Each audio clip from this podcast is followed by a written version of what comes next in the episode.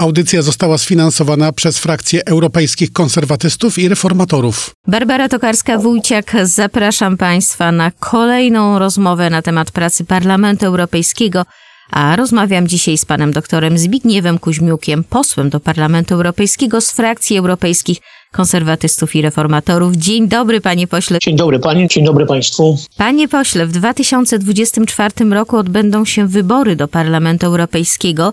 Wydawałoby się, że jeszcze jest trochę czasu, ale widzimy, jak bardzo szybko czas płynie.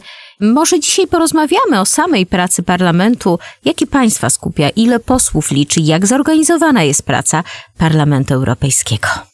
No, ona jest wzorowana na pracach parlamentów narodowych, choć oczywiście parlament nie ma na szczęście takich uprawnień jak parlamenty krajowe, no ale próbuje się rozpychać w tej unijnej rzeczywistości i te dodatkowe kompetencje pozyskiwać. No to jest parlament składający się z reprezentantów 27 krajów członkowskich proporcjonalnie do ludnościowych zasobów poszczególnych krajów. Polska w tej chwili ma 51 parlamentarzystów. Najprawdopodobniej, a może nawet już bez słowa najprawdopodobniej w następnych wyborach dojdzie nam jeden mandat związany z, no bo to jest, zawsze bada się mm, liczbę ludności i ponieważ ona w ostatnich latach wzrosła także ze względu na uchodźców wojennych, część z nich przecież uzyskała uprawnienia podobne do polskich, wprawdzie nie uzyskała uprawnień wyborczych, ale jest w tej puli liczona. W związku z tym dojdzie nam na jeden mandat, będziemy mieli w przyszłym parlamencie 52 mandaty. Więc jeżeli chodzi o istotę pracy parlamentu, no jesteśmy podzieleni na, na, na komisje. Każdy parlamentarzysta pracuje e, przynajmniej w dwóch komisjach.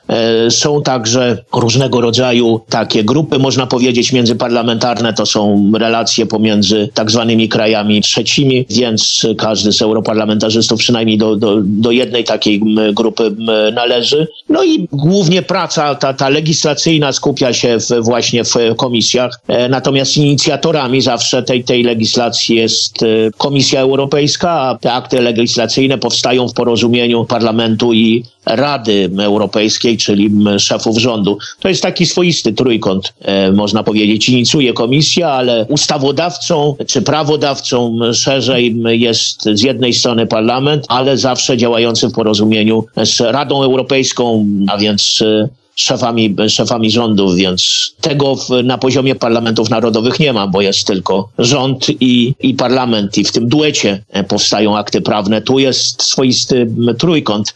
Czasami o tym trójkącie mówi się, że, że przypomina trochę trójkąt bermudzki, bo proszę sobie wyobrazić, że takie tworzenie, tworzenie prawa bardzo często trwa już nie miesiącami, ale latami, bo rzeczywiście ta procedura jest długa i skomplikowana, a szczególnie jeżeli powstają kontrowersje, a jest ich coraz więcej, na przykład jeżeli chodzi o tą tak zwaną zieloną rewolucję, to tego rodzaju akty prawne powstają długimi miesiącami, a często latami.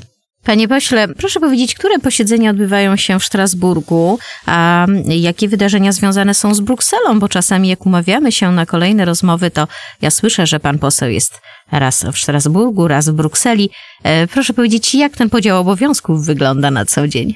To znaczy mamy 12 sesji Europarlamentu w Strasburgu, takich pełnych sesji od poniedziałku do popołudnia czwartkowego. Tam odbywają się posiedzenia parlamentarne. Co więcej, muszę pani powiedzieć, że no, kraje założycielskie, które dzieliły się instytucjami unijnymi no, w tym pierwszym etapie powstawania Unii Europejskiej, no każdy z tych krajów zagwarantował sobie obecność na jego terytorium określonych instytucji. No i właśnie Francja wybrała Parlament Europejski, dlatego Strasburg. I proszę sobie wyobrazić, że w akcie akcesyjnym we Francji to jest precyzyjnie zapisane, że Parlament Europejski musi odbyć 12 sesji w roku, po jednej w każdym miesiącu, a ponieważ sierpień jest miesiącem urlopowym, to dodatkowe 12 posiedzenie odbywa się w tych miesiącach jesiennych. No, to jest ruchome, ale najczęściej w październiku. W związku z tym październiku są dwie sesje parlamentu w Strasburgu.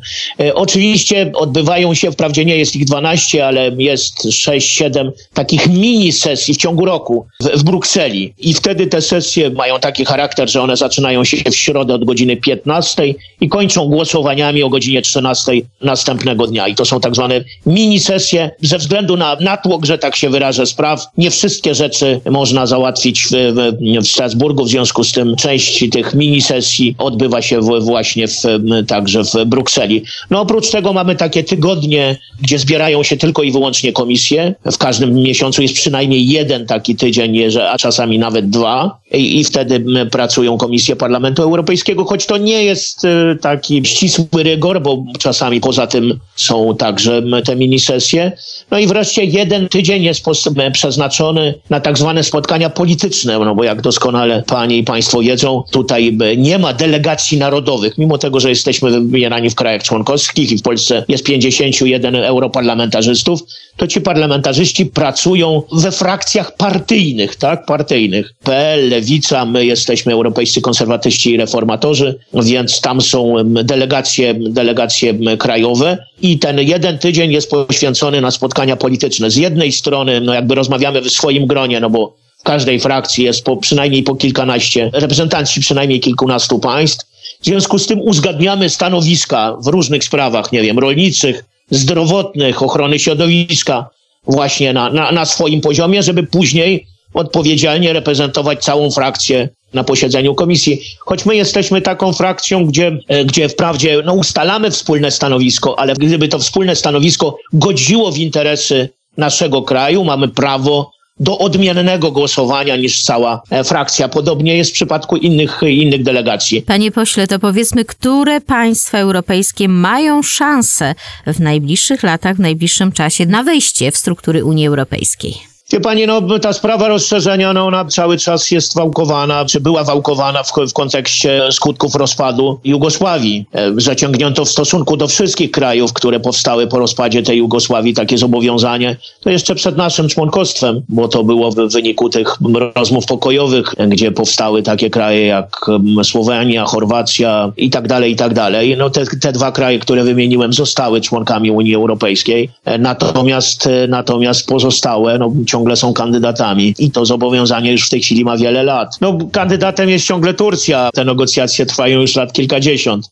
Jakiś czas temu Turcja już nie była zainteresowana, w związku z tym te negocjacje zostały zawieszone. Teraz słyszymy, że postawiła pewien warunek, e, wycofując swój sprzeciw wobec członkostwa w Szwecji w NATO, postawiła wa- warunek przyspieszenia negocjacji w sprawie Unii Europejskiej. Ponoć taką gwarancję dostała, że nastąpi to przyspieszenie. No i mamy kraje po byłym Związku Radzieckim, które mają umowy stowarzyszeniowe z Unią Europejską. Mam na myśli m, Gruzję, która no niestety teraz na skutek e, obecnych rządów trochę się oddala. No mamy Mołdawię i mamy, i mamy mm, najbliżej Unii Europejskiej Ukrainę, która ma nie tylko umowę stowarzyszeniową, ale nawet została już oficjalnie kandydatem po bardzo krótkiej procedurze właśnie w tej sprawie. Natomiast no, proces negocjacyjny pewnie będzie trwał. No, on z oczywistych względów jest spowolniony ze względu na toczącą się na Ukrainie e, wojnę. No ale tu padały daleko idące, można powiedzieć, deklaracje przywódców Unii Europejskiej o, o przyjęciu Ukrainy.